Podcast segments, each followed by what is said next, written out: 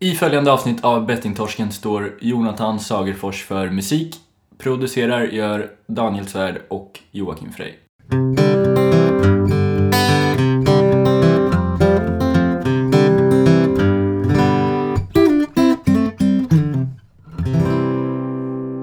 Det känns som jag sitter på intervju. Är du på intervju? Arbetsintervju. Jävlar, vi är igång alltså. Mm. Välkomna. Hallå. Jävlar vad sprickor du har fått i eh, din skärm. Ja men jag använder ju inte den. Det är bara så här extra. Men eh, vad tänkte jag säga? Det är du... eh, Fan det är avsnitt 99. Är det det nu? Det är helt otroligt. Det är Ja. Wayne Gretzky. Bra. Det här. Ja, det är vi och han och... Vem är det mer? Ja, det är vi. Ja. De som är född 99. 99. Mm. Det har blivit... eh, Det är dock en liten trend, va? Är det inte det att andra spelare tar 99 som vill vara lite sköna? Var lite Gretzky.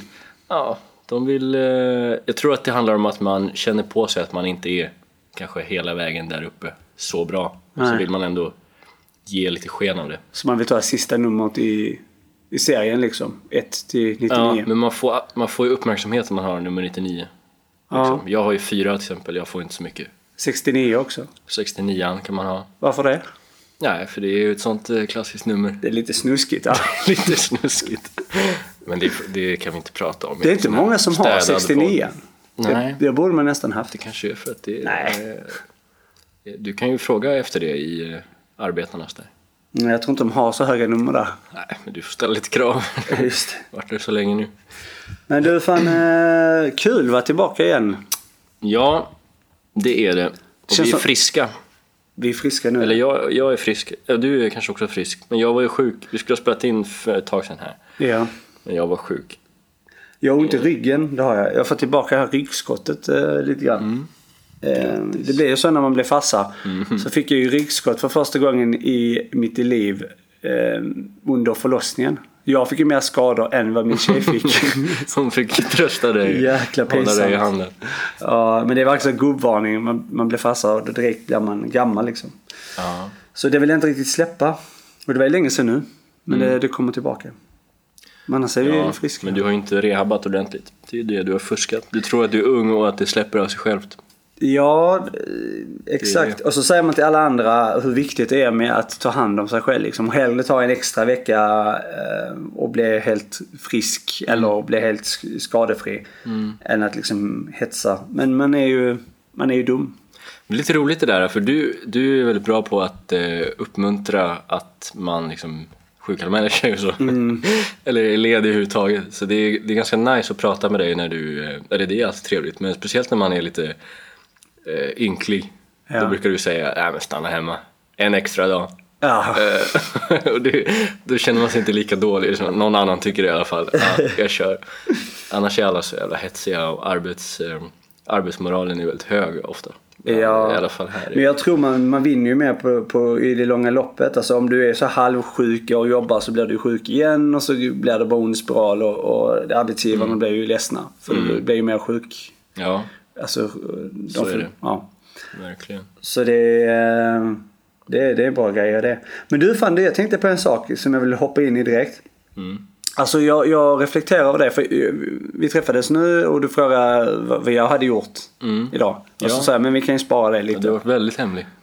Ja. Men eh, det är så här, eh, jag tycker det, eller det är inte så mycket som har hänt egentligen men att vi var på Naturhistoriska, det var ganska kul. Eh, och gick runt där, jag och min tjej och bebisen då. Och sen så, det här vill jag komma till. Alltså jag, jag har tänkt mycket på det där eh, nu när man har varit lite ledig och sånt också. Att varför, ehm, eller jag diskuterade också med min tjej att anledningen varför vi svenskar främst gillar utlandet så mycket. Har du tänkt lite på det? Varför, varför vi gör det?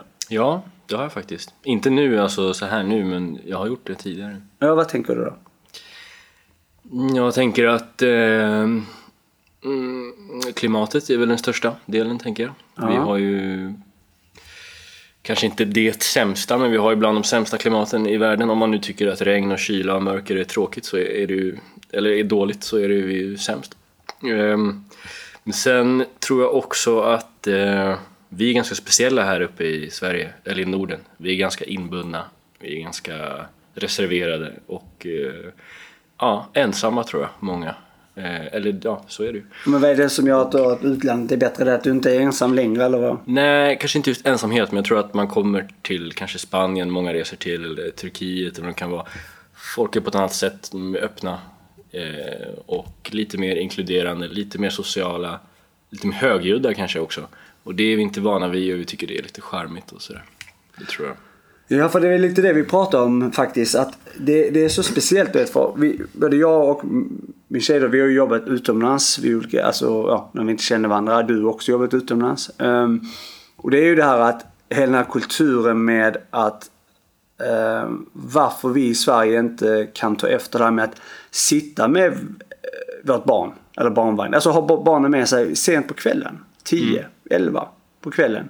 Och liksom kanske äta mat och dricka ett glas vin om man vill det och sen gå hem. Inte liksom som här att nu är det fredag, lördag och då ska vi dricka ut där. Helvete och barnen det skiter vi De får mm. titta på eller ja.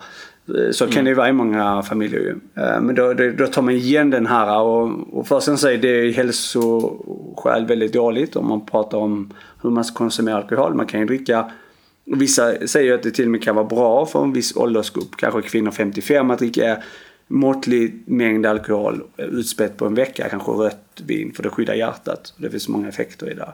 Eh, men, eller de diskuterar liksom där. Men just det här att man kan liksom ta ett glas och sen vara ute sent. För här är det ju verkligen så, eh, eller det som hände nu var att innan vi träffades så satt vi oss och käkade, ehm, jag tog glas eh, rödvin då och, och det var skittrevligt liksom. Så mm. visst, det var ju trist att det började regna så men men just hela den här, det är ju så osvenskt att göra så mitt i en vecka. Mm. Utan då ska man ju hellre vänta in en fredag eller lördag eller så mm. um, och det här vi diskuterade vi tidigare innan då pojken kom. Att varför det är så i Sverige. Alltså att i andra länder i utlandet främst så är den här öppenheten på ett helt annat sätt. Folk är mm. inte berusade liksom utan de är bara ute och familjen är med. Här var vi ju ute nu eh, häromdagen med barnvagnen eh, ganska sent och så var det så kul för vi skulle åka hem. Vi hade varit hemma hos hennes eh, föräldrar och åkte därifrån ganska sent. Och vi, åk, vi har ju ingen bil så vi åkte vagn. Och så kommer det liksom en full tant ut därifrån och liksom sur och bara Vad fan är de här med, sin, med sina barnvagnar för mitt inne i kvällen? Och så bara tänkte jag för mig själv, hur fan kan människor vara så efterblivna? Vem sa så menar du? Ja, det var någon tant som gick ut som pratade med sin kompis om detta. På vagnen? Ja, för vi skulle gå in när hon skulle gå ut. Mm. Eller de. Så bara tänkte man alltså shit.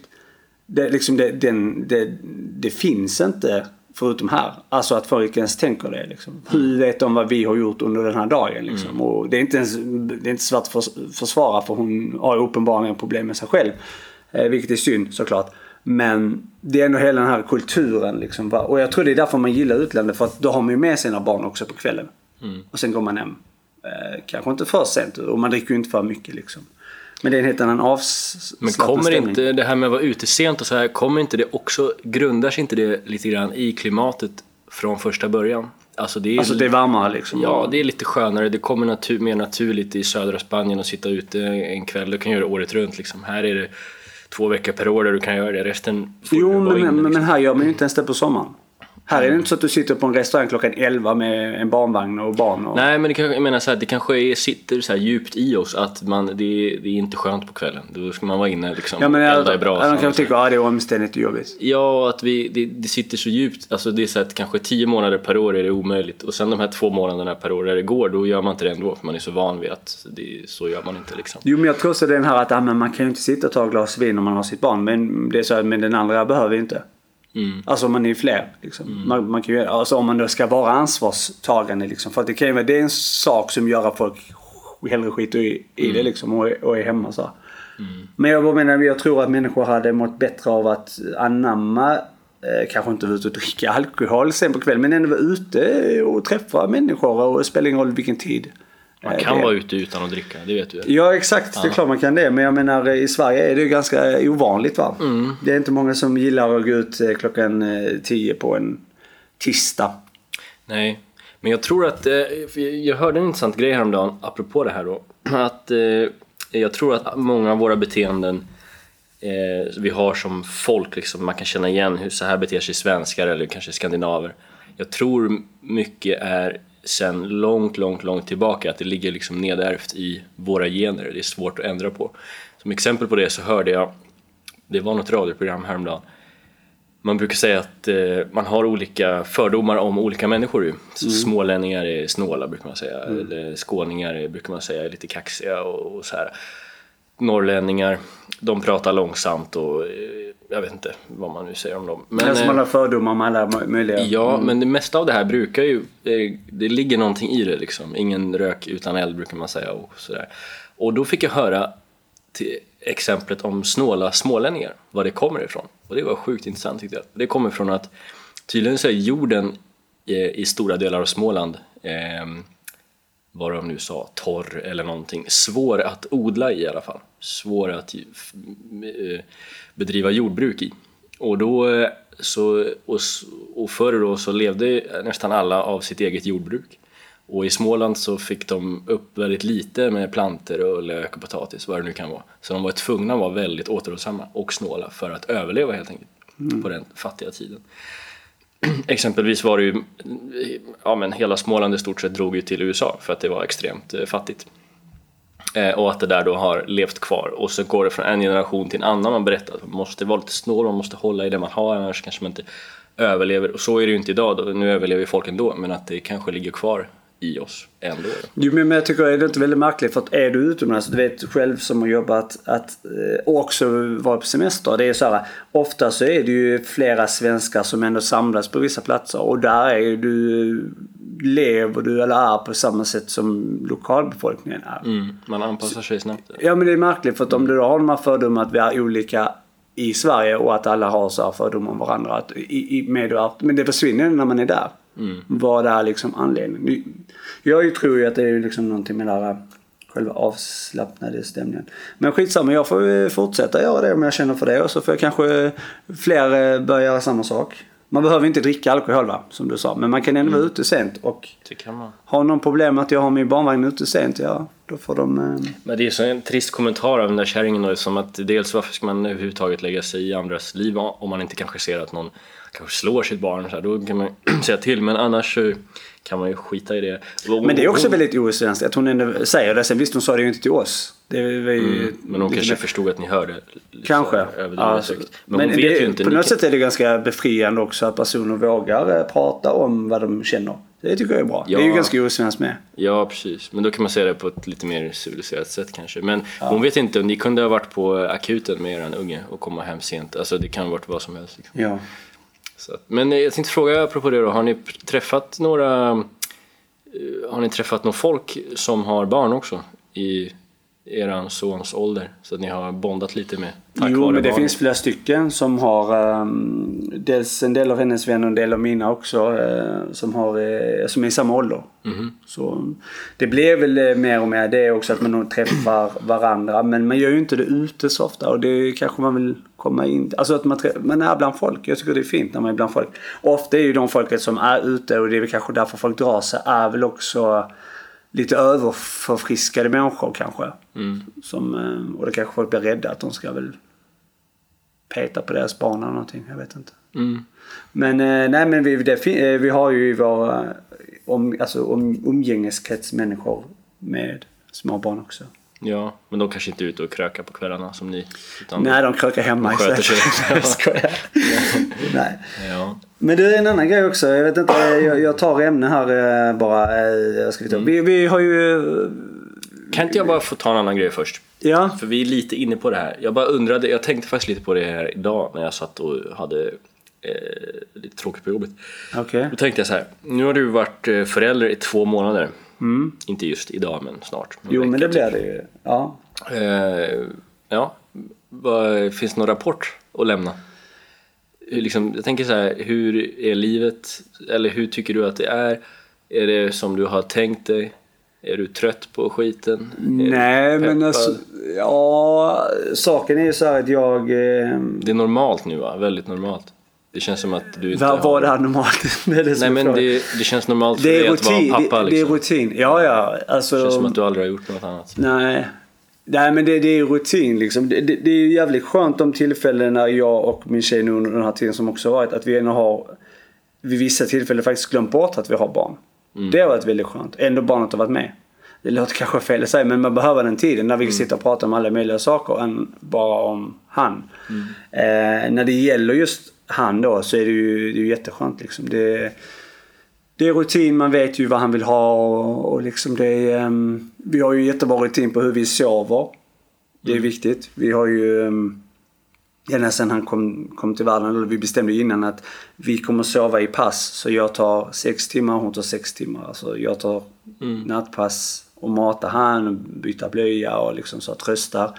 Och hon gör ju samma sak och så, så sover vi i varsitt rum. Liksom. Och visst, det, det kan vara tråkigt att vi inte sover ihop så mycket men det är en viss tid nu bara. Eh, och sen så träffas vi ändå ofta liksom så. Så att det är ju... Eh, så det är väldigt, väldigt skönt att vi har gjort eh, klart det så att vi får sömn båda två. Eh, men annars är det...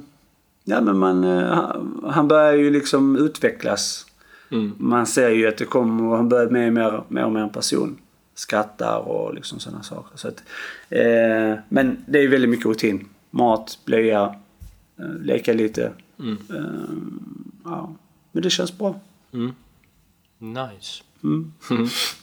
Och sen också att vi har verkligen vår egen tid. Det är också viktigt. Vi har ju egen så här kalender. Eller gemensam kalender där jag skriver in tillfällen i veckan där jag till exempel gör detta. Där vi träffas i alla fall en gång i veckan och, och spelar in podd. Och sen har jag också träningar och fotbollsmatch. Och hon har också träning och andra aktiviteter. Liksom. Så att vi ändå mm, hjälps åt. Alltså så här, vi, vi får vår egen tid med. Och det funkar väldigt bra. Mm. Så det har inte blivit så en stor förändring i livet. Att bara, varken jag och min tjej är likadana. Att vi bara handlar om barnet. Det är barnet, barnet, barnet. Så är det ju inte. Och det är. Och det är också därför så vi blev föräldrar. För att vi, vi är så. Vi, vi känner varandra så pass väl båda två. Att, att vi, det är inte bara det som är fokus. Som det kanske kan bli i många familjer. Att ena personen bara bryr sig om sitt barn. Det tror jag kan vara ganska vanligt. Jag tror det kan vara ganska farligt med men visst alla är olika liksom. Eh, Men tills nu funkar det bra. Eh, Det var lite läskigt när han fick vaccinspruta. Det har varit lite så här, han var orolig där efter det och, och så. Och det, Man har inte fått någon sån här eh, biverkning eller? nej men jag tror han, ja, han var väldigt ledsen och jag har upplevt väl att han haft lite småkramper så jag vet inte, vi får väl se hur det här kommer gå. Det var nyligen det här hände. Mm. Eh, Men det är läskigt och du vet ju hur jag är med sådana här vacciner och allt det där. Visst, vissa vacciner behövs att ta liksom för vi är friska. Men ehm, ja. Eh, Ja, det, så är det. Det är svårt att se sitt barn eh, eh, lida liksom. Eh, Ja, kanske. exakt. Alltså så är det ju. Det var ju Man, lite... man inte kan förklara heller varför eller liksom. Ja. ja, exakt. Ja. Ja, men du. ehm, eh, vi föll dit. På? Vi åkte dit. Gjorde vi Det det? gick inte så bra. Ja. Du vet vad jag pratar om? Nej. Nej? Ja, ja jag vet nu. Ja, vi- vi- snusen. Ja, Ja, usch. det är snusträsket Vi igen. och vi, alltså det var ju mycket ditt fel alltså. Du var ju följ först. och, eh, Men jag var väl också snusfri längst tror jag. Det har jag svårt att tro alltså. 25 april för min del tills 20... två veckor sedan faktiskt. Exakt två veckor sedan snusade jag. Jag, Att, eh, nej då. det var detta året ja. Jag var ju förra året. Eh, jag vet inte om vi går tillbaka i historieböckerna här i avsnittet så kanske man kan få reda på vem som var först. Men skit i det, jag vet inte vem det det spelar ingen roll. Men Det spelar en vi, jävla roll. vi följde hit.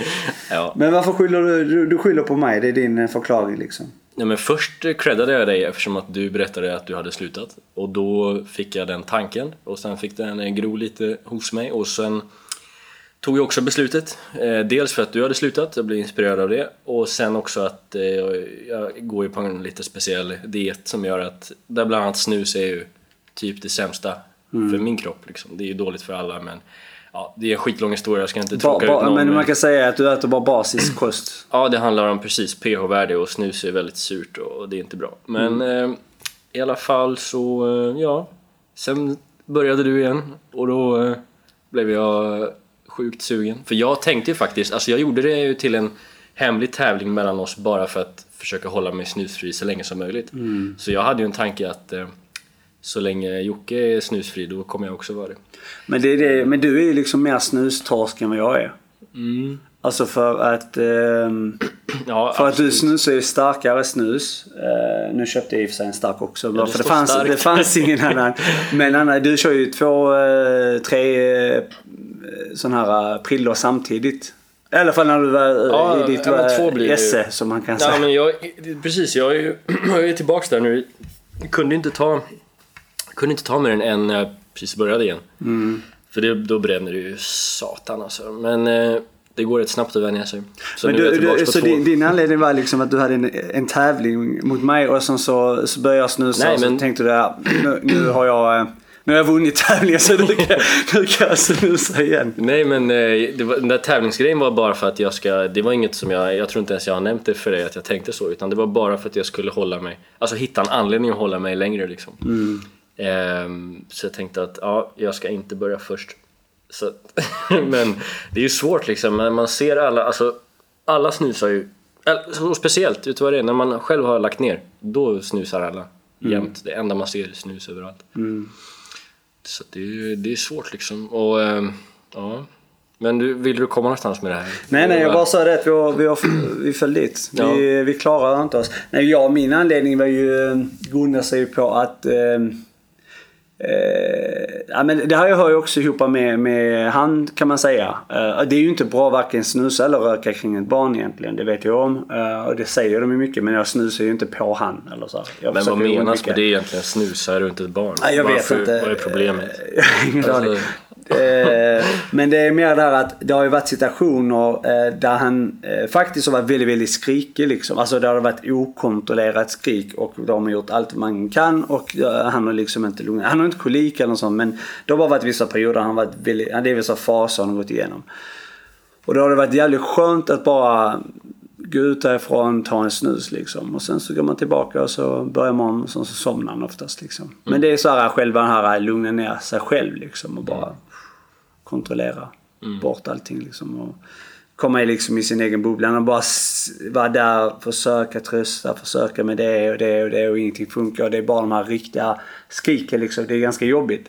Um, framförallt på kväll, alltså då när man har natten, man är lite trött och han är ju jättetrött så det är ju därför han vill ju sova liksom. Men han skriker istället. Och då, då har det varit väldigt skönt. Så det är därför jag började snusa igen. Det var egentligen bara det. Förhoppningsvis är det bara en kort period nu så man slutar med det igen. Ja, tre, fyra år. Precis. Men, han kommer ju eh, leva länge nu va? Så att, Har du låtit honom lukta på en snus? Ehm, nej. I syfte att han ska bli lite dåsig och Ja, just trött? det. Just. Nej. Han luktar på min andedräkt kanske. Men, men Då vissnar de flesta. Det där kan ju vara en... eh, Det, det där fick jag höra, jag vet, jag vet inte om du minns det, men när du berättade för mig att du hade slutat då bodde jag i Kalmar fortfarande. Mm. Och jobbade där. Och då fick jag ju höra från en unge i skolan att jag luktade illa. Just det, det var det vi... Du luktar snus. Och hon liksom räckte upp handen och bad om hjälp så jag gick dit. Ja, jag luktar snus. Alltså då, då fick jag ju. Och det var ju efter att du hade slutat. Så Ja. blev det ännu en sån där, ja, man kanske borde Just det, liksom... det, det var då vi snackade om det här att eh, när man själv var barn så var det någon lärare som Precis, alltid som luktade luktade skit. illa och det, där vill man inte hamna alltså. Nej. Ehm, Men nu är vi där igen i alla fall så det är skönt. ja, Mm. så, men jag måste faktiskt berömma mig själv lite grann i det här. Då. Jag har ju snusat som sagt ett par veckor och nu har jag lite annorlunda jobb där jag jobbar bara med en elev. Jag är med honom hela tiden. Ja. Och eh, jag har ännu inte... Eh, han, vet, han har ingen aning om att jag snusar. Så nu ligger jag lite mer lågt då. Okej. Förut så tog jag en snus inför barn och elever och sånt. Liksom. Ja. Och så där. Jag tyckte att det spelar väl ingen roll. Liksom. Alltså jag, generellt så har jag väldigt svårt Det, för det måste att, vara eh, ganska svårt? Alltså det är för att det är ju 18-årsgräns eh, med snus. Och att de frågar men vad är det? Och så blir nyfikna och "Va- varför gör Men du så? alla vet vad det är alltså. Alla vet Ja, redan. Ja. alla vet. Och sen, Alla har en pappa som är ja stressad. som exakt, måste snusa snusa. löst liksom, en sju kilos prilla, sån riktig Glenn-snus. Nej men eh, jag tycker generellt det är väldigt störigt med att man ska skydda barn från allting hela tiden och eh, ska säga, man hemlighålla att man snusar. Alltså, vad är poängen med det liksom? Mitt förra jobb till exempel drog igång världens kampanj på skolan Eh, Jag har kanske pratat om det förut men att vi, man skulle bli bättre på att vårda sitt språk liksom. Och det är väl eh, bra men alltså eh, jag har aldrig riktigt sett besväret med att eh, svära inför barn. Alltså jag förstår inte riktigt varför det. Det är inte så att de kommer att gå genom livet och aldrig höra ett fult ord liksom. Och det är så här, vad spelar det för roll? Och speciellt i skolan där man har mycket andra problem som är ju mycket viktigare. Så ska man lägga allt sitt fokus på att en unge inte ska säga helvete liksom. Alltså det är så här fånigt. Men det är väldigt intressant det där också eh, om... eh, Ja men du vet man märker ju folk som exempelvis, det är ju flera stycken nu eh, offentliga personer som finns på sociala medier och sånt där som är liksom, eh, de är, de, de är ledsna. De, de mår inte bra. Okej. Ja men de fick ju ett argt eh, inlägg på sitt meddelande och, och då ska de sluta med det ena och andra. Det ska inte bli några det ska inte bli några föreställningar och det ska inte vara det ena, man ska inte dit på, på en viss stad för då var det någon som skrev att, eh, något dåligt på in, Instagram. Exakt. Så, det är så här, folk måste förstå att själva hur folk pratar med varandra längre. Eh, hade, man, hade vi sagt till någon att du ska dö din idiot när vi var små, då hade det kanske det varit ett hot. Idag är det liksom som att säga ja du är inte så bra. Alltså Ja. folk måste förstå eh, att där är, eh, visst det finns inte alltså hot så men jag, jag tror att själva den här med svordomen och hela den här var man är någonstans. Jag tror det är eh, en annan tid idag. eh, Ja. Och där inte, eh, där, ja, där hoten är annorlunda liksom. Eh, Sen är det farligt för det finns ju idioter också som verkligen säger saker och sen så gör de eh, handlingar runt om i världen. eh, Och det är ju hemskt. Så man, det är ju svår balans. Ja. Men eh, alltså just det här med svordomar, det är ju en... alltså jag vet inte, barn idag som du säger, 7-8-åringar, de svär ju redan. Och det har de fått hemifrån. Så vad man säger på skolan spelar ingen roll så länge man, man måste i så fall göra det alla tillsammans. Bästa sättet tror jag att lära barn att inte svära det är att ge dem ett rikt ordförråd för att det är ju det det handlar om liksom. Att man inte kommer på något annat. Då drar man till med någon svordom liksom. Eh, och så kan man berätta för dem att ja, när du blir vuxen så kanske inte kommer få så mycket jobb och sådär om du sitter och svär hela tiden. Du måste kunna lite andra ord också. Men så förbud och bestraffningar och det är så eh, fånigt alltså. Tänk om första ordet han säger nu Jona är skitstövel. Han Ja, det fick jag höra idag faktiskt. Skitstövel. Från min elev. Ja, du är en skitstövel. han. Eller luffare. Pissluffare. Ja, det var nästan på den nivån. Det var det jag svarade då. Just det. Nej, men... Ja. Ja, nej jag skulle inte säga någonting. Nej, men jag... Eh, vad heter det? Vad skulle jag säga? Jag skulle säga något. Mm. Jo, eh, när vi ändå är inne på det här så eh, har jag en fundering som är att vuxna generellt är väldigt dåliga alltså förebilder. Många fattar inte det här med att eh, om man vill, man vill lära barn grejer eller bara vara en förebild eh, gör barnen då som du säger till dem eller som du själv gör. Liksom, Det är ganska enkelt. Som vi själva gör. Jag tycker många vuxna är så otroligt dåliga på det här. Exempelvis, jag har flera kollegor som eh, alltså det, man, det många säger till barnen eh, mest frekvent under en dag är typ tyst eller sitt still eller gör sig och så ta det lugnt eller så här. Samtidigt som många är väldigt stressade när de säger till barnen att prata eh, lugnt och sansat med en lagom volym, då säger de det jättehögt, de skriker nästan och håller på liksom beter sig konstigt och eh, nu när du är i en situation där du har ett litet barn, snart kommer ni, eller ni pratar redan med honom men snart kommer han förstå och så här. Då pratar många på så här bebisspråk. Eh, det är konstigt. För att vi vill ju att de ska lära sig prata som oss. Men ändå så pratar vi till dem på ett helt annat sätt, eller många gör det. Alltså det tycker det är mycket så här konstiga saker man ser överallt som är så här, kan inte bara vuxna... Jag tror att det handlar om att vi måste slappna av lite inför barnen. Typ ta en snus, eller ta en cigg till och med om du vill. Du behöver inte blåsa röken rakt i ansiktet. Men chilla lite. Du behöver inte anmärka varje gång någon säger fan, eller behöver inte vara så, så fin och pretto hela tiden utan ta det lite lugnt och vara en förebild istället. Men är inte det lite också att med, vi eh, människan då är, eh, alltså när vi är vuxna, vi har gått igenom mycket, vi har sett mycket och, och förhoppningsvis många har gjort det. Och, och så ser man något som är litet och sött. Nu pratar vi inte bara om ett barn, alltså bebis eller eh, barn som växer upp. Utan man pratar om en hund, alltså en katt. De, människan får ju ett konstigt eh, språk. Ja, Kom Kom lilla boven! Ja, alltså du vet, det, det är ju så äh, människan är. Och Jag tror också, är det något som är litet så är det liksom sött och då vill man liksom prata på, man, man vet inte riktigt vad man gör. Jag tror det är lite det också det handlar om. ehm, så jag tror att i viss, viss ålder kanske. Alltså, jag, tror det, jag tror också det kan vara fint att, att det är... ehm, Alltså för det är ju en, en kärlek som man eh, får ur Alltså man, man vet inte riktigt vad man säger. Det är bara så, så, så sött kanske. Men, men själva det här med förebild, det tycker jag är jättebra. För att jag tror inte att människor är, eller vuxna är dåliga förebilder. Jag tror bara att de helt enkelt glömt bort att de är förebilder.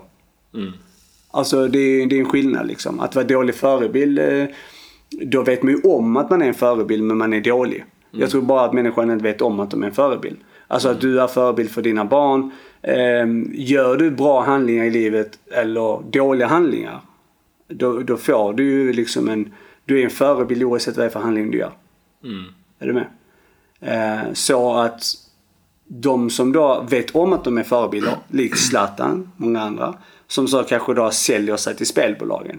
Det är ju en dålig förebild. Han vet ju vad han har gjort. Och han vet att han är en förebild och han har gjort någonting som man kanske då inte har tagit reda på information om att det här leder till liksom döden för många. Ehm, det är nog det det handlar om. Jag tror att de människor ibland glömmer bort det.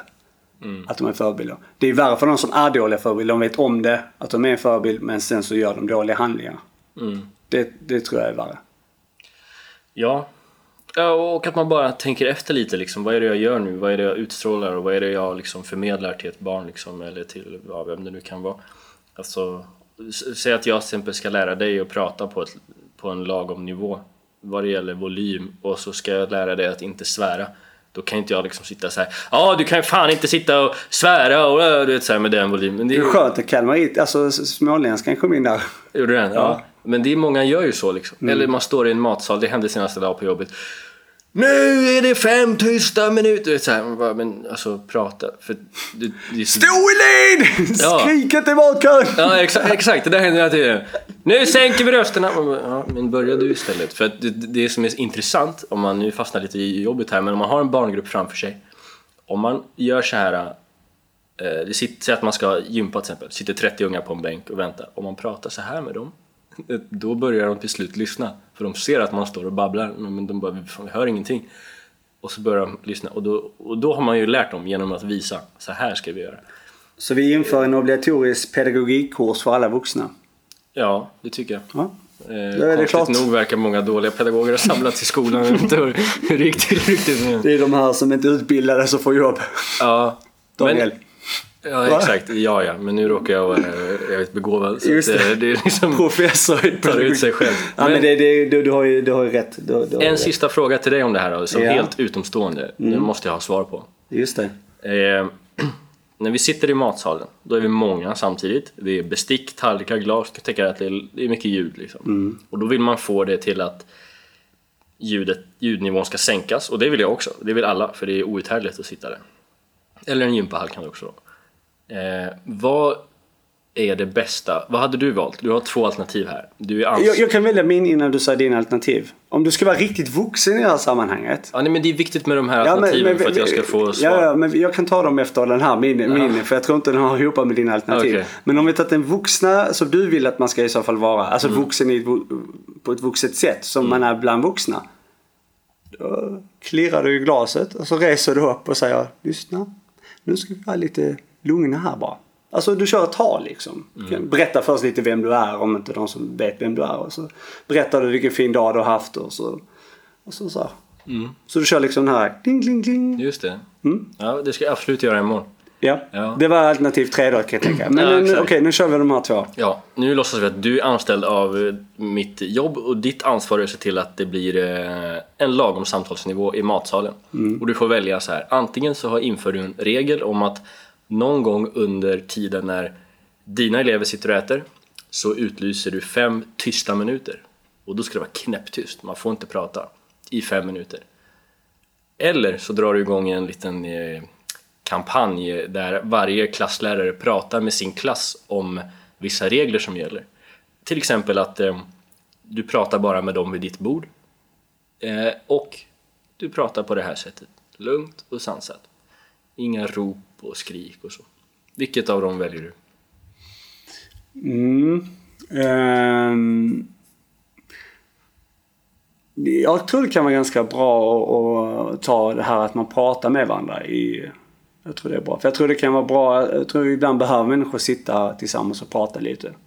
I lugn och kontrollerad miljö. Mm. Men, men det är också det här att, för jag menar det här med regler.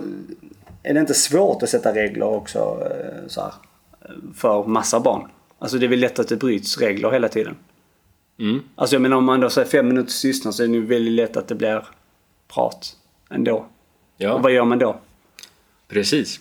Jag kan berätta Ja, hur det så, blir. så jag tror inte den funkar. Det hade nog inte funkat för, för mig i alla fall. Fem tysta minuter, det finns typ på jättemånga skolor idag. Och det är helt idiotiskt, för att det är precis som du säger. Någon trött människa reser sig upp och säger nej, fem tysta. Och då ska jag knäpptyst. Men tror att det blir knäpptyst när det sitter 85 pers liksom. Det blir ju inte det. Det blir ju lite tystare, men folk liksom... Ja, de har ju redan brutit en regel. Så tänker Ja. den ungen som faktiskt är duktig sitter tyst och tänker ja men han har ju pratat, då kan jag också prata. Ja, så det som händer är att den som utlyste fem tysta minuter blir irriterad för att det hålls inte. Man måste gå runt och säga till folk ytterligare en gång. Eh, man har typ underminerat sig själv, alltså man har tappat, det låter ju så här hårt kanske, men man har tappat i respekt lite grann nu. För att det du säger till mig någonting, du är min lärare och jag skiter i vad du säger, du är ett problem ju. Eh, för att nästa gång så är det något mycket viktigare du säger som inte följs. Kanske gå inte ut i vägen och så skiter ungen i det och blir påkörd. Ja, så här. kan ju hända sånt. Eh, och varför ska vi lära våra barn att vara tysta för? Alltså när de sitter och äter. Det är ju inte normalt. Det, typ, det finns ett uttryck som heter låt maten tysta mun men det försvann typ så här slutet på 1800-talet och det är helt, helt sjukt. Det Det trevliga var, med den, det var den tiden när kvinnor fick lov att rösta. Ja, typ. Ja, men du, tänk dig att du bjuder hem till middag, så men nu ska vi tysta. Jaha, det, är inte, det, det är finns ju sjukt. inte i samhället. Nej, det, det är sjukt eh, föråldrat eh, system. Eh, men för det är ju många faktiskt som har det så att de vill gärna ha en tyst stund när de äter. Hemma kanske. Ja, Men det är så här... Eh, men vill man verkligen ha det knäpptyst? Vill man inte bara ha det lite jag, lugnt? Min föreställning eh, med tiden sen. eh, Jag gillar ju också den faktiskt traditionella att man kan sitta tillsammans och käka. Jag tror det är ganska fin grej. eh, För det gjorde jag också när jag växte upp. Jag tyckte det var ganska bra. Sen åt ju man oftast väldigt snabbt för man ville komma därifrån. För man ville göra annat. Men jag tror också det är bra tid att reflektera vad som har hänt under dagen. Att man inte sitter tillsammans och så får man den tiden. För det är kanske inte så att alla kan sitta tillsammans den stunden liksom. Så då tror jag det är bra att göra. Men, ehm, och prata då, hur har det varit och så. Men det var bra tips där. Imorgon ska jag ställa mig upp, klinga glaset och så ska jag säga att eh, idag är det inga fem tysta. För det funkar inte. Ja men gör gärna så riktigt formellt tal att, eh, att liksom att jag har länge tänkt på en sak och eh, ja, så berättar du någon fin känsla kanske. Anekdot. Som man kan göra i tal. En liten story. Låtsas att det är ett bröllop. Berätta om den här eh, gubben som hade bajsat mitt i... den I Nordstan. Ja. det, det kommer alltid Som funka. barnen kommer att älska den story. Det kommer inte bli lugnt efteråt kan jag säga. Kommer höra massa fisljud där runt bordet. ja. Ja, men du jag tänkte här också, jag vet inte vad du hade för eh, punkter. Nej, men det var väl eh, dem. Jag ska avsluta med ett litet boktips. Ja okej, men, Men gör det det, kan vi ta sen. Det kan vi ta sen ja. Eh, ja, vi har ju snackat länge om det här. eh, Jag har inte pointat ner exakt i detalj men jag vill gärna i alla fall få ur det här nu. Så här, hur man startar en stödgrupp. Nu pratar vi om spelberoende för att eh, det handlar podden om här va. Så att ett litet inslag av, av spelberoende kommer oftast att komma.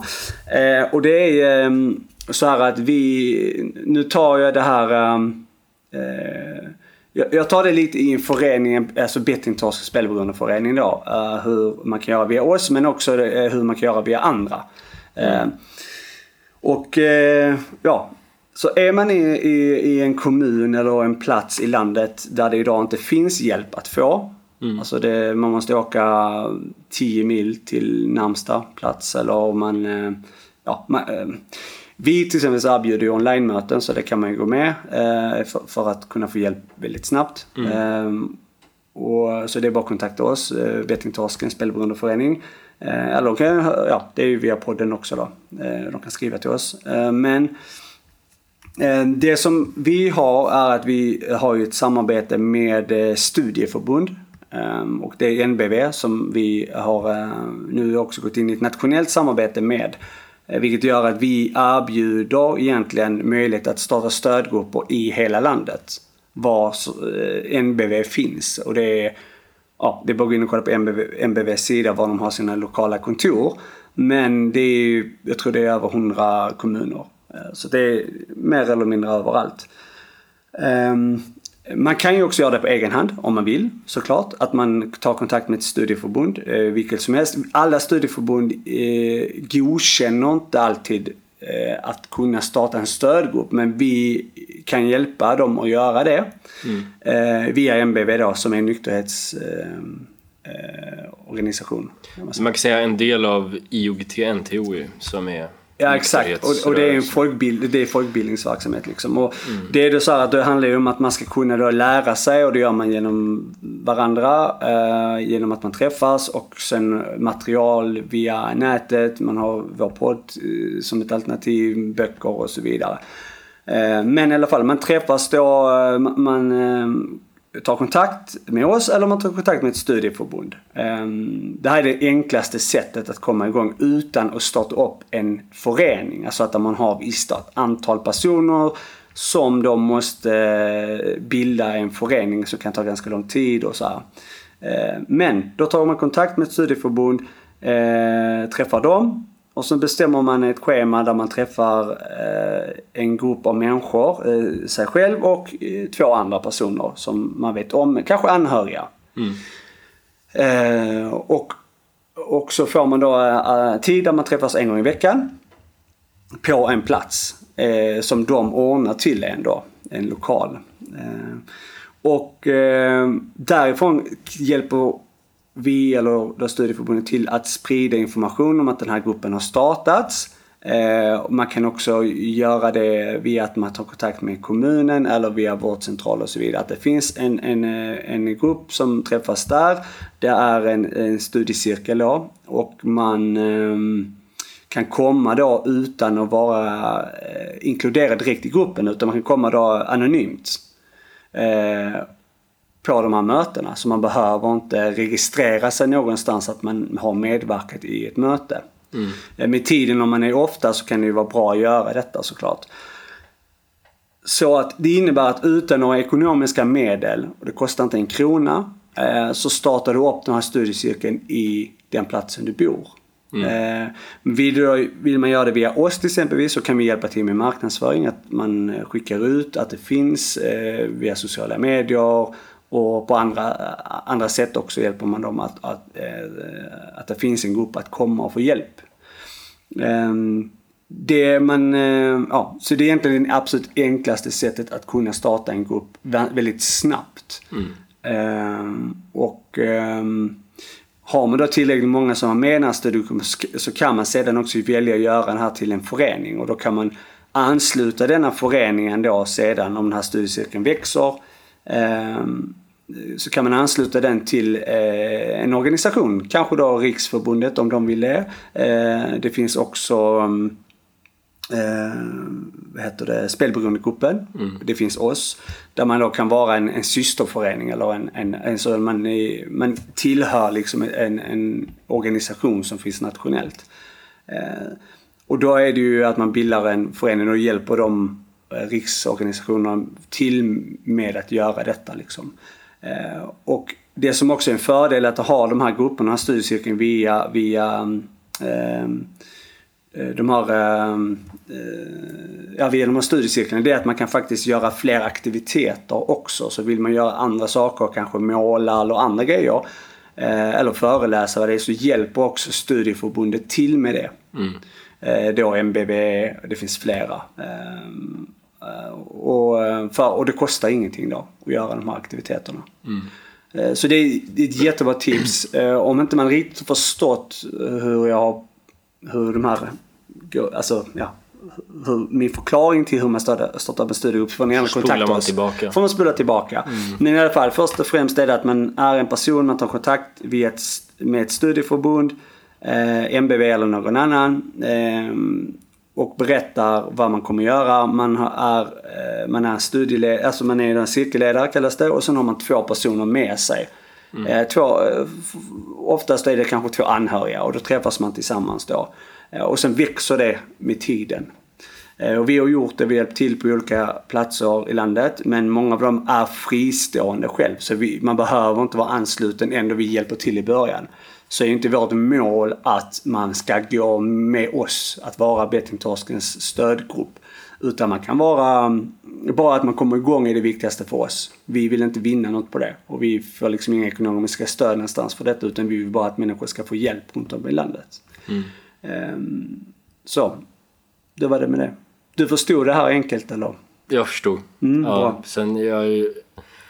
Ja, men eh, jag tror alla förstod. Det var väldigt eh, enkelt Ja men det är, sånt, det, är två, det är två sätt. Alltså man kan välja bilda en förening. Det är en lite längre process. Det tar ganska lång tid. Man måste ha ett visst antal medlemmar. Man måste göra en styrelse. Och, eh, precis som vi har gjort. Mm. Ehm, och, eh, och sedan då så kanske man då kan ansluta till en, en riksorganisation som då Spelberoendes riksförbund. Eh, eller då Spelberoendegruppen eller via oss då. Mm. Eller så kan man välja att starta en stödgrupp och det är helt enkelt via ett studieförbund. Och det, då hjälper de med lokal allt det också. Mm. Ehm, och, då, och då kostar det ingenting. Det är jätteviktigt att veta. Det kostar mm. ingenting att starta upp det här. Mm. Och det vet jag på flera platser runt om i landet nu. Så är det jättemånga grupper idag som är eh, går via studieförbund mer eller mindre kan man säga. Mm. Har startats upp på det sättet. Mm. Och, men, och, vi kan ju också pusha lite extra för NBV eftersom de har ju varit väldigt positiva hela tiden till det vi gör och vi ja. hade deras eh, när jag bodde i Kalmar så vi använde deras studio helt gratis, jättefin studio. De var väldigt positiva till allting och nu är det NBV eh, Stockholm och Göteborg, alltså de, de, är väldigt bra. Och det finns många andra också men eh, ja. Så ja det, det går ju också i linje, alltså det är så här, det är inte när det gäller partipolitisk, alltså det är ju obundet, oreligiöst, det är, det är liksom nykterhetsorganisation, liksom nykterhetsrörelse. Mm. Och eh, så finns det ju andra då som kanske startar, som ABF startar via eh, socialdemokratin från början. Mm. så, här. så att det finns ju olika, men vi valde ju att gå med MBV och har då nu eh, gjort ett nationellt eh, samarbete där vi är en samarbetsorganisation till, till och NBV. Mm. Eh, och, eh, det är just för att kunna underlätta när man startar upp stödgrupper och samt också hjälpa till att folkbilda eh, själva NBV för att de har ju inte själva direkt jobbat med eh, spelberoendefrågorna. De har jobbat med främst alkohol och droger. Så att mm. vi kommer ju egentligen in och hjälper dem också med att förstå vad spelberoende är. Mm. Vilket är jättefördel för dem. Så att alla vinner ju på det här. Men som sagt, för en människa som sitter i landet vill ha hjälp eh, där det inte finns hjälp i sin kommun ta kontakt med oss, vi kan hjälpa er. Eller ta själv kontakt med ett studieförbund. Eh, till exempel MBV som är, ehm, eh, ja. Eh, man kan ju nämna oss att man vill göra på samma sätt som vi gör i landet med att starta stödgrupper. Um, då får man kopiera den um, planen kan man säga som vi gör, som mm. är godkänd till att använda. Mm. Ja. Bra, Bra. snyggt. Viktigt det var det. att få det sagt. Ja det är det. Vi har väntat länge på det här att kunna berätta liksom. Eh, mm. Sen hur man driver mötena, det kommer komma i avsnitt lite längre fram. Så att uh, ni får vara med för det tar en stund och det kommer, vi snackar om att ha ett live-möte. Så att uh, ja. det kan vara bra också att veta hur man ska styra ett möte när man väl träffas. Mm. Också. Ja. Mm. Då förväntar vi oss att det bara ploppar upp stödgrupper nu som svampar ur sk i skogen. Ja, ja men verkligen. Det behövs ju och speciellt om man lyssnar och bor på lite mer glesbefolkad eh, plats. Nu är vi i Göteborg, här finns det massa och så här, men eh, det är inte så överallt utan eh, Ja, exempelvis Kalmar startades upp liksom för inte länge sedan. Det är många liknande småstäder som där det behövs. Ja. Och det är också varför, vad är en stödgrupp eller varför ska man vara på en stödgrupp? Det är ju just för det viktigaste med det är att man ska träffa liksinnade. Att man kan ja. prata om en del erfarenheter. Det är oftast den rehabiliteringen som många kanske behöver och oftast som många pratar om är den bästa. Eh, de pratar ju mycket om det i eftervården efter man varit i kanske psykiatrin eller via kommunen, vårdcentral och så vidare Mm. så, så är eh, det är ju en akuta, då får man hjälp direkt och det ska alla göra. Men just att ha en stödgrupp och träffa liksinnade eh, brukar oftast vara den bästa vägen att hålla sig. Och det har hjälpt oss väldigt mycket. Ja, men om man kollar med folk som har slutat spela, tagit sig ur sitt missbruk, då är... Jag kan inte påminna mig om att jag har pratat med någon som inte har sagt att eh, självhjälpsmöten har varit eh, avgörande. Nej, precis. Så att, eh, mm, bra. Ja. Hade du något mer på din eh, gedigna lista där? Den är stor och fin. Ehm, ja, alltså jag tänkte egentligen på, eller jag har en grej till. eh, Hur går det förresten med din telefon? Det var det jag också hade på min lista. Vill du prata om det? Ja, det kan jag göra. ju- Narcissistiskt så ska jag berätta hur jävla bra jag är. Nej, jag tog ju din... Eller, jag har ju tänkt länge på det här. Mm. Och det är ju... Fan vad jag har pratat mycket. Jag märker min hals. Mhm. Ja, ehm, ja. Men... ehm, för några år sedan var det väl. Ett år sedan. Ett och ett halvt. Så... Då kom det ju ett fint Twitter från Norge till och med där han sa Jaha. Det bästa som har hänt det, det smartaste i livet är att bli av med sin smartphone. Ja, exakt. Eh, Ja. Kanske inte exakt sådär men eh, det var ju just att ta bort sin smarttelefon och eh, gå tillbaka till, till roots. Det är mycket så här nu har jag läst om att Eh, man har börjat förstå. Jag, jag kollade på en dokumentär på Netflix Um, om eh, sustainable, alltså själva odling. Att nu väljer många att gå tillbaka, det här ekoodlingen, att gå tillbaka till det gamla odlingssättet som man gjorde tidigare. För att man ser att eh, man får faktiskt lika mycket avkastning som man skulle fått med det här industriella bekämpningsmedelsodlingen. Ja, jag skiter i det. Men i alla fall, så vi kommer tillbaka till det gamla. Men det här mobilförändringen, ehm, jag har tänkt på det länge. Jag har ju tänkt på det egentligen ända sedan du slutade med det. Sen kom du ju tillbaka till, ehm, till samhället igen med mobil. Ehm, Men tre månader eller fyra månader innan eh, Jona då föddes eller kom till så eh, var jag verkligen bara att jag ska förändra mitt beteende kring mobil. För jag har liksom ett starkt mobilberoende. Jag eh, sitter alldeles för mycket på mobil, alltså för många timmar per, per dag. Och eh, egentligen kollar samma saker hela tiden. Man har alltid urs, ursäkter till vad man ska kolla. Och så sitter man där och så tittar man på saker som man ibland oftast, eller väldigt ofta stör sig på. Eh, och det kan vara alltid från ja, någon som inte tycker som en själv kanske. Då stör man sig på det. Och så kanske man gör inte ens en debatt kring det utan man bara tittar och stör sig och så är det en dålig visst. nyhet och så är det det. Sjukt destruktivt. Ja, och man märker ju att tiden ehm, kommer ju inte tillbaka och, som man lägger där liksom. Och, och man är ju inte närvarande alls eh, i olika sammanhang man är om man sitter med sin mobil hela tiden. Eh, så att jag bestämde mig att ta bort min telefon. Och då har jag varit nu i ja, ett tag. Det tog ju när jag väl köpte den här så tog det tre månader innan jag började använda den. Alltså det, det har ju varit en process där jag ändå har gått ur alla de här um, successivt um, sociala medier, Instagram och andra grejer som jag har haft mycket koll på. Och där kontrollbehovet har varit ganska högt med att lägga ut grejer och det är det och man ska veta och hit och dit. Det har man liksom slussat ut. Eh, Så det har ju tagit en tid tills man varit nollställd. Och nu eh, gick den här lite grann i sönder. eh, Den smartphone jag hade och då tänkte jag nu är det dags. Så då har det gått några veckor sen jag slutade med den. Du har klagat lite på att du, det är jobbigt att smsa, men annars går det bra eller? Mm, det gör det. Man känner att man, man missar inte så mycket. Nej. Eh, för det, jag har ju gjort period tidigare där jag har varit utan mobil. Eh, som ett sånt test. Och då märkte man ju att det kändes som att man missade väldigt mycket. Man var rädd för det där. Nu har inte det alls känts så. Utan eh, det jobbiga har varit sms ja. Alltså att man skriver så då, då är det skönt för då styr man det själv. Då svarar man kanske alla en viss tid och sen så svar, alltså man svar, normalt sett så svarar man ju direkt med sin smartphone. Men i och med att det tar så lång tid så väntar man hellre till en tid där man kan sitta och göra detta.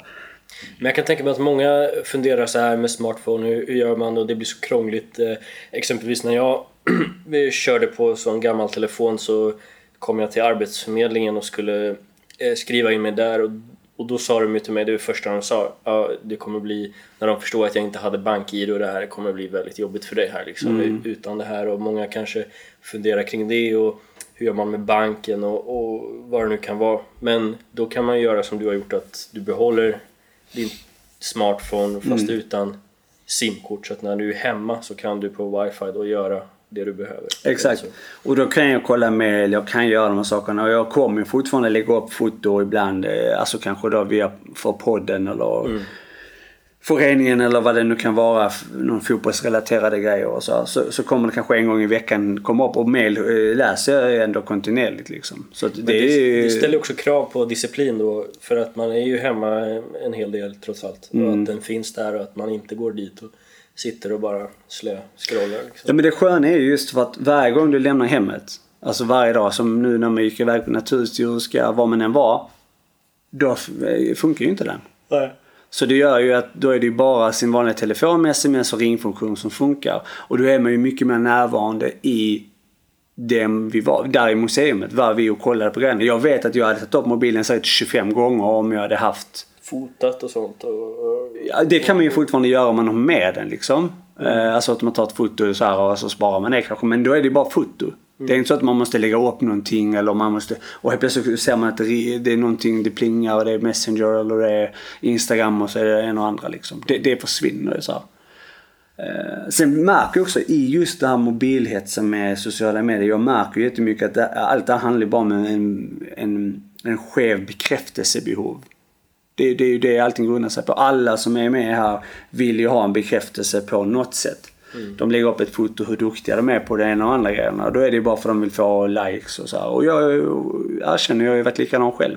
Så, och det är jävligt skönt att släppa det liksom. Att jag behöver inte få den bekräftelsen av människor jag inte ens umgås med. Faktiskt. Nej, man behöver inte det. Men, eller grejen är att man behöver ju det när man är mitt inne i det för då är behovet starkt. Men sen när man har gått på lite avgiftning då med en sån där stenålderslur då märker man ju att man klarar sig rätt bra. Ja, det är sköna kontakter för nu. Jag, hade en diskussion med, med andra personer här, här, häromdagen då också. Vissa sa att jag avskyr att ringa folk, sa den personen. Att de tycker verkligen inte, eller jag tycker verkligen inte om att eh, prata i telefon. Jag vill hellre skriva. Så jag bara, ja det kan man göra. Jag gillar ju inte att skriva på den för den är jobbig. Eh, Så jag tycker ju det är mycket skönare att kunna ringa och prata med folk. Eh, Och det har jag ju märkt. Det gjorde jag ju aldrig på min smartphone. Jag skrev ju bara, ringde någon så svarade jag oftast inte. Då går man och gömmer sig. Då skrev jag att jag inte hade tid. Fast det enda jag gjorde var att jag satt och kollade på Instagram. är det Nokia du, du har nu eller? Ja, den har ficklampa också. Nej, jag märket. Vad är det för märke? Ja, men den har ficklampa också. Ja, det är Nokia? Ja. ja, ja. Så jag behöver aldrig vara rädd på, på natten. Ja, Den är stark den där då. Ja, det är den. Den har ju också Snake, där har jag tagit eh, rekord. Jag har ju inte spelat på eh, spel på telefonen på många... Så nu kommer fastna i det istället. Ja, nej jag spelar inte så mycket. Jag, jag vet att jag gjorde ett rekord som ingen slår så att det är inte lönt att fortsätta. Jaha. Det är 1576, Jag tror alla inte. tänker så. Ja, du menar ingen har slagit det på just din telefon? Ja, du kan ju försöka sen. Kan ju sitta några dagar. Jag ska göra det. Jag ska göra det. Mm. Nej men det är bra. Det är, det är ett jättebra beslut faktiskt av dig. Mm. Ehm, mm, snyggt. Så då får jag använda din fras. Det smartaste jag gjort, det är att bli av med min smartphone. Mm. Så nu får ni lov att twittra om det i januari. Ja men det var ju det också. Jag kan ju tipsa om just i den fasen där jag var. Jag gjorde det ju som en åtgärd för att jag inte ska ha tillgång till spel. Ja. För jag hade ju då ingenting. Jag fick en iPad lite senare men det, ja, under ett ganska bra tag så hade jag ingen connection. Du kommer ihåg den där jag ringde ju dig när jag hade fått igång telefonen. Jag kommer ihåg den där morgonen också, jag vaknade, det var otroligt skönt alltså. Det var bara lugnt, stilla, inget så här stress, jag inte upp telefonen. Jag visste inte vad klockan var för jag hade ingen möjlighet att få reda på tiden. Det var en rätt häftig känsla, alltså det har ju har aldrig hänt varken förr eller senare. Men det är ju det som är så skönt att säga den ena. Ja men vad fan det är liksom en väckarklocka. Ja men det finns larm. Mhm. Och så säger den andra. Ja men det finns ju för fan ingen Spotify. Nej det finns radio här i. ja. Så att, Men eh, då måste det- du koppla headset va? För det headsetet fungerar som antenn tror jag. Ja, alltså headsetet har man ju sen den gamla mobilen så att Ja det funkar där också. det den. funkar. Allt funkar. Det är just det där med Spotify som jag tycker är svårt. Jag är sån Spotify-torsk alltså, så det finns inte... Men är det att du har en egen lista? Som du lyssnar på? Har hundra stycken. Alltså hur många? Du har hundra listor. Ja, men det Jävla jobbigt alltså. att hinna med alla dem. Nej men hinna med, det är ju inte det. Det är, ing, det är ingen stress i det. Jag bara älskar att lyssna på musik. Jag gör det hela tiden. Alltså, jag har Men du bara- gillar inte radio liksom? Det finns Nej. ju massa radiokanaler. Som har Ja, alla... jag gillar inte Det finns rock och det finns pop och det finns... Ja, så är det reklam Finns- var fjärde minut och sen är det massa annat bajsprat liksom. Ja. Nej men Spotify är ju överlägset, det kan man inte komma ifrån liksom. Jag gillar liksom poddar, alla poddar ligger där liksom. Jag har inga poddprogram, jag har bara Spotify. Det hade varit... Eh, men... Jag lyssnar, sidan jag lyssnar ju bara på bettingtorsken så Ja, och den finns på Spotify överallt. Men å andra sidan så, det gick ju bra. En, eh, alltså, man, man tvingar sig ju att vänja sig. Ja. Men sen, sen kan man ju lyssna på podden när man är hemma och ska typ sova på kvällen med eh, den andra telefonen som man har som mobilt bank-id. Mm. Och swish och allt det där.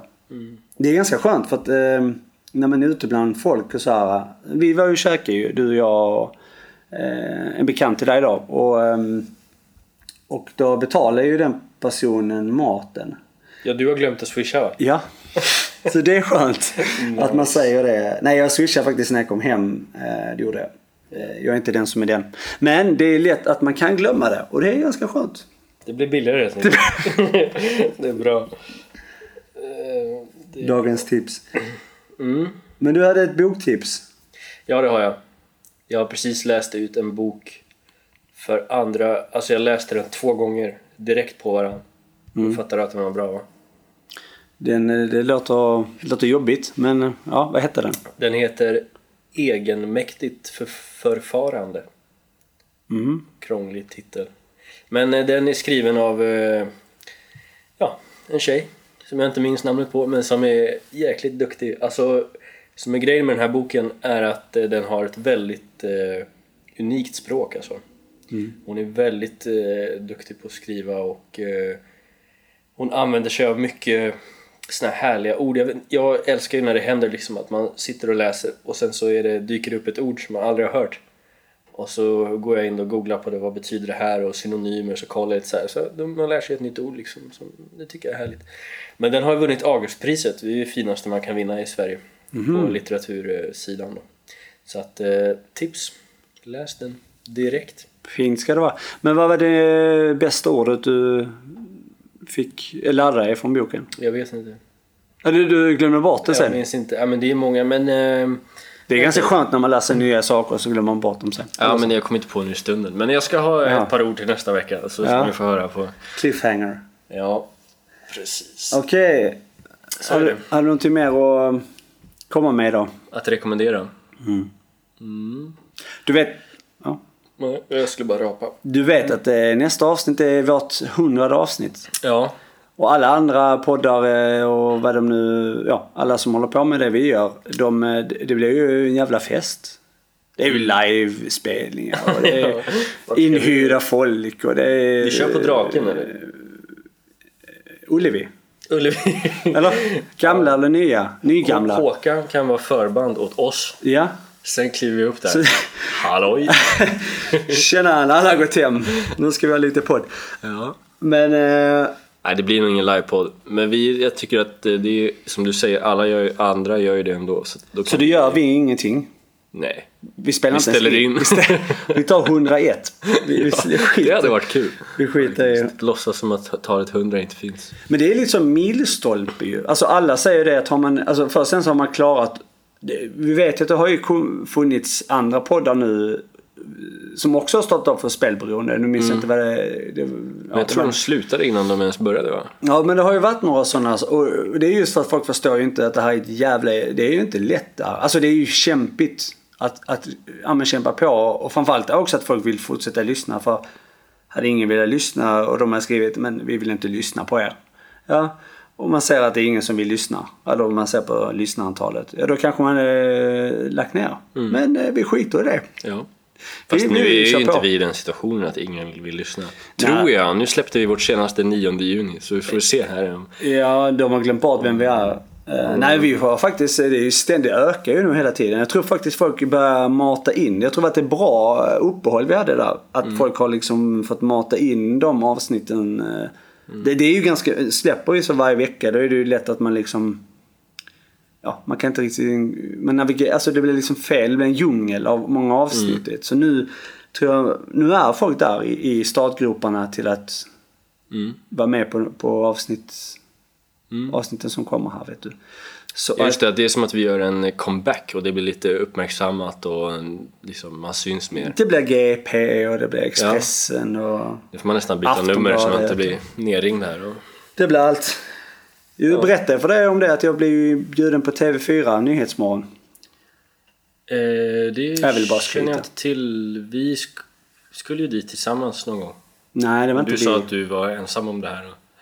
Nej. Jo, men vi skulle dit, men det var jättelänge sedan. Jag. Nej, men jag fick ju en inbjudan. ehm, Vi skulle till Malou var det. Ja, det var en annan grej. Men det, det var eh, Nyhetsmorgon här under sommaren.